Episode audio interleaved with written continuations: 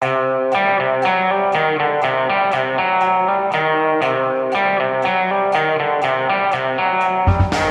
Norwegian Nobel Committee has decided to award the Nobel Peace Prize for 2021 to Maria Ressa and Dmitry Muratov for their efforts to safeguard freedom of expression.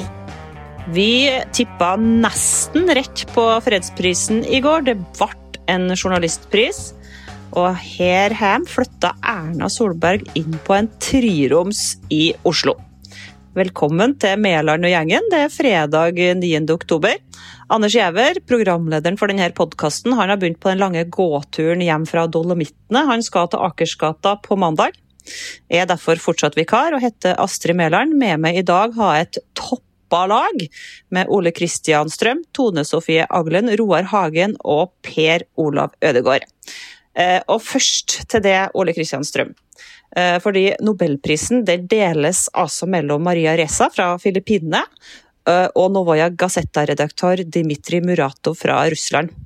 Og du Ole Kristian, du har jo dekka Russland for oss i VG i en årrekke. Og du begynte å tenke på Anna Politskovaja da tildelingen ble kjent?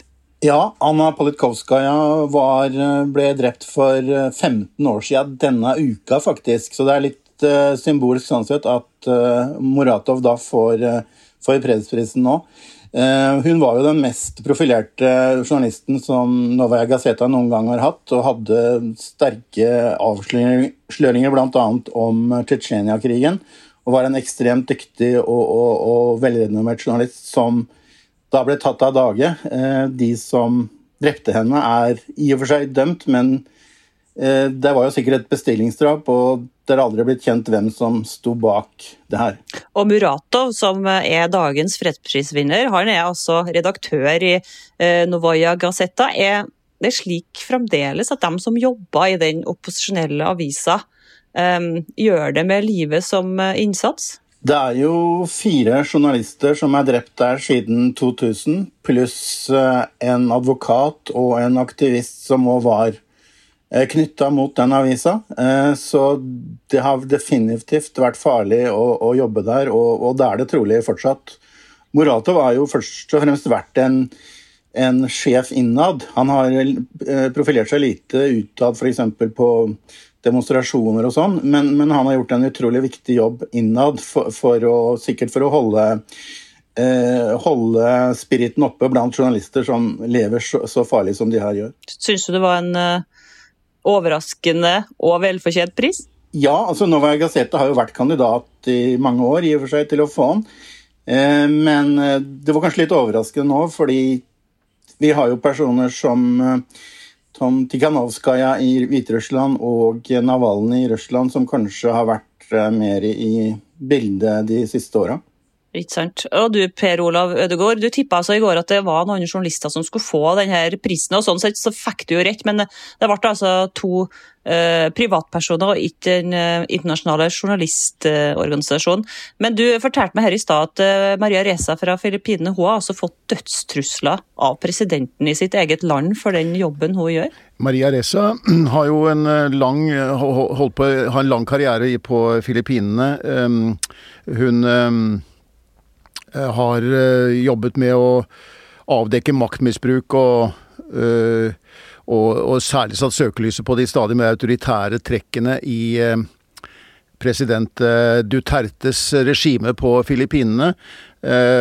Og hun har Hun jobbet jo mange år for CNN i i den, i den delen av Asia, Sørøst-Asia. Og så har hun da, for en del år siden, så startet hun dette digitale selskaper Rappler, som er eh, sånn plattform for undersøkende journalistikk. Og det har det vært veldig stort behov for i Filippinene nå.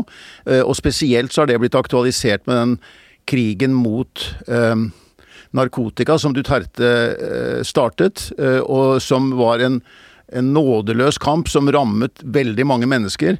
Eh, og eh, det er jo da særlig denne, dette maktmisbruket som hun har vært med på å avdekke. Og Det er en meget viktig pris for det arbeidet de gjør i Filippinene. Og så tenker jeg også at det er liksom en pris for pressefrihet, for uavhengige medier overalt. Fordi vi ser at media er under sterkt press, ikke bare i autoritære stater, men også i demokratiske land.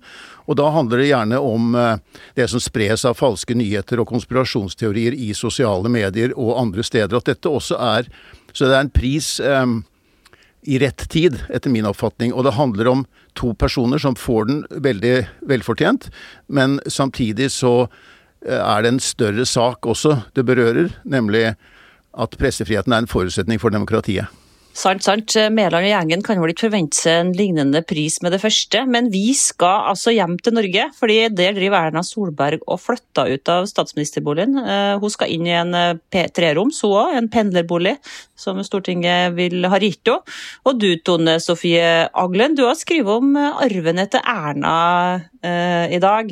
Og det begynte jeg å lure litt på etter de åtte åra. Hva er det som ruver etter Erna? Jeg syns det var litt vanskelig å, å, å, svare på. Har du et svar til med?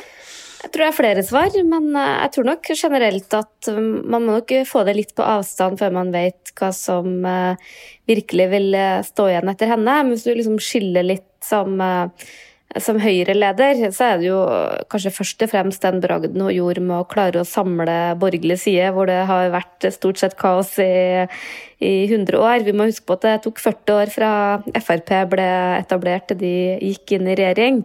Så kan vi ikke akkurat si at det har vært åtte år med fred og harmoni, men man har tross alt styrt landet i åtte år eh, på et vis, og det er en eh, gedigen milepæl.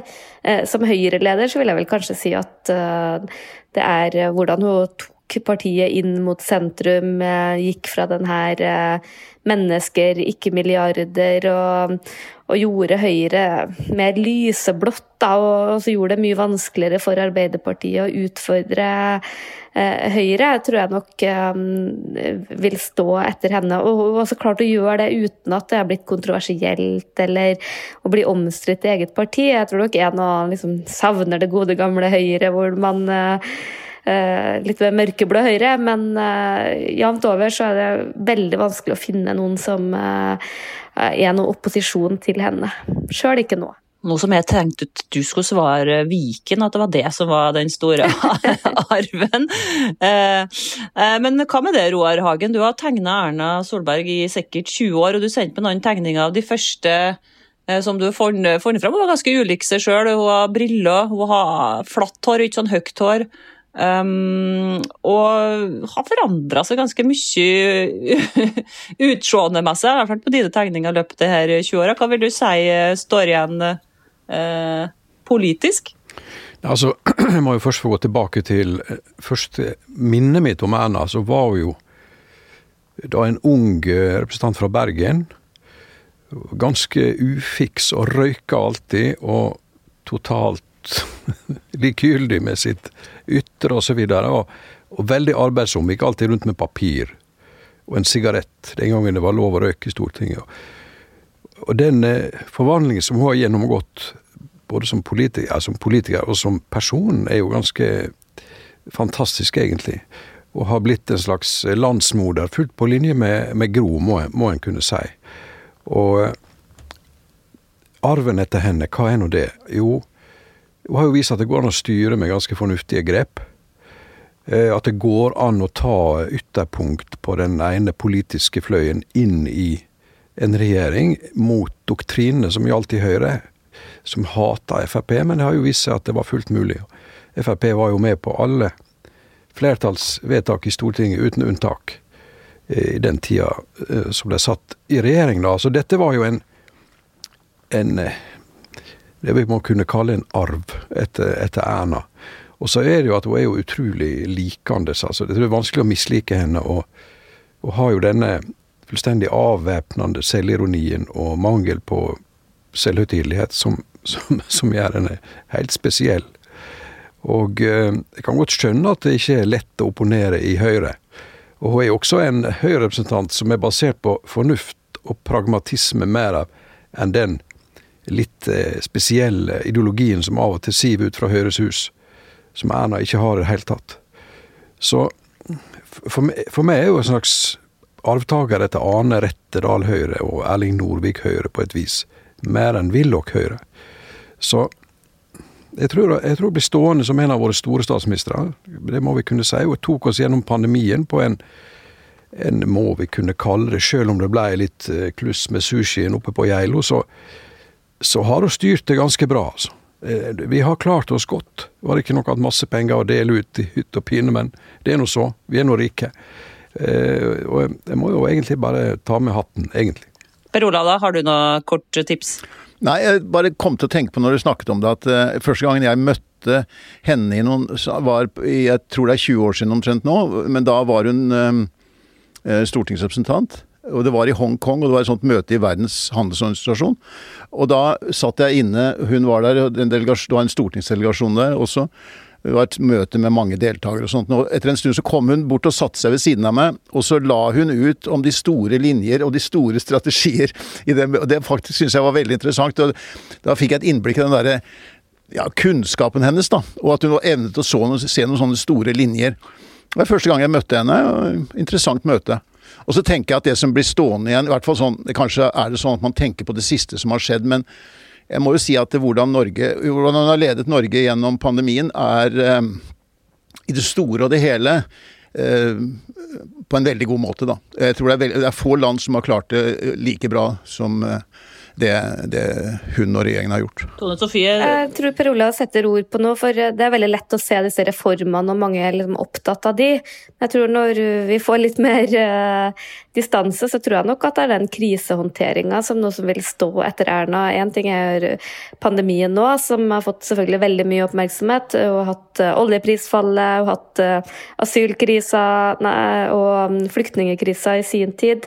og også ja, hvordan hun har leda såpass urolig regjeringsperiode vitner om at hun har en veldig unik evne til å bevare roen og fatninga, sjøl om det, det både er kaos og stormer eh, rundt henne. Og så syns jeg også Per Olav setter veldig eh, godt ord på henne som person. For hun er første så er hun usedvanlig sånn lite jålete og, og sjølhøytidelig og gjør veldig lite forskjell på folk. Men hun er også en veldig sånn nerd som uh, setter seg ned, kan veldig mye, veldig detaljorientert, kunnskapsrik, uh, god hukommelse. Så det er nok uh, Eh, også en litt sånn ganske nerdete politiker, og det er jo en grunn til at det kanskje tok mange år før man så helt av det store stjerneformatet i jo. Jeg har selvfølgelig den glitrende rekka med justisminister under Erna Solberg som eh, favoritten, skal si nå, Men eh, vi må en kjapp tur innom Hurdal før det blir helg og Tone Sofie. Der vet vi jo det at Hadia Tajik driver og trener på tredemølle, og Jonas Gahr Støre spiser fiskegrateng. Det kan vi i hvert fall lese om i VG, men blir det noe regjeringsplattform, eh, Tone Sofie? Det blir nok en eh, regjeringsplattform, men eh, når den kommer, det er vel omtrent like presist som å tippe hvem som vinner Nobelprisen i litteratur. Jeg skal i hvert fall ikke begi meg ut på det, og jeg tror vel noe av det mest presise som har lekket ut fra Hurdal, er vel nettopp den fiskegratengen til Jonas Gahr Støre. fordi de holder tett. Eh, men det er jo litt sånn morsomt å se at uh, selv om de later som de vil ha medier på avstand, så syns de jo at det er litt stas å ha så mye interesse rundt seg. Og du ser jo de legger ut bilder på Instagram og enkelte av dem. Og jeg tror nok Jeg så i hvert fall det når jeg var der, at noen av rådgiverne der syns nok at det er litt uh, gøy at det endelig er deres tur til å få all oppmerksomheten, og at uh, de åtte årene til Erna Solbergs mannskap uh, nå omsider er over. Og du Roar Hagen, du kan jo glede til en hel ny gjeng du skal begynne å tegne på de mest ja, ondskapsfulle måter, sånn som du bruker å gjøre med oss? Ja, jeg, jeg gleder meg jo veldig til det, da. Og og Det blir jo spennende hva Jonas trekker opp av, av talenter. Altså Der Erna hadde Frølich og Bru og Asheim og Søreide, Eriksen Søreide, så virker det jo tynnere bak Jonas på en merkelig måte. Men han finner sikkert sine folk, og, eh, og Senterpartiet har jo, har jo en etablert eh, politikerklasse som de kan sette inn. Jeg kan jo nevne mange navn der, men men eh, han har ikke problemer med å finne folk. Så det blir, det blir en interessant regjering, og det blir interessant å følge slalåmen i Stortinget. Og SV har jo allerede stilt seg ut på plenen framfor Stortinget og vil nå falle tilbake til sin gamle rolle som protestparti. Så jeg tror at Jonas må søke litt bredt for å få flertall, eh, etter hvert som tida går. Vi får satse på at det blir uh, utfor i Kitzbühel. Her må vi bare kalle det en fredag uh, i Mæland og gjengen. Uh, vi skal bare kjapt innom at i Kina så gir presidenten opp den grønne ambisjonen og guffa opp produksjonen i kål Eh, fabrikkene igjen. Eh, strømmen skal lages av kull fordi strømprisene har gått i taket og fabrikkene har stått stille. I Norge så sier både Politiforbundet og jurister nei til den reverseringa som Senterpartiet og Arbeiderpartiet tydeligvis driver og planlegger ute på Hurdal. Um, og ellers så kan vi melde at Anders Giæver har kommet seg til Normandie nå, så det er bare å, å tune inn igjen på mandag. Vi sier takk til Tone Sofie Aglen, Roar Hagen, Per Olav Ødegård, uh, Ole Kristian Strøm og vår fredsmegler og produsent Magne Antonsen. Uh, jeg heter for Astrid Mæland. God fredag.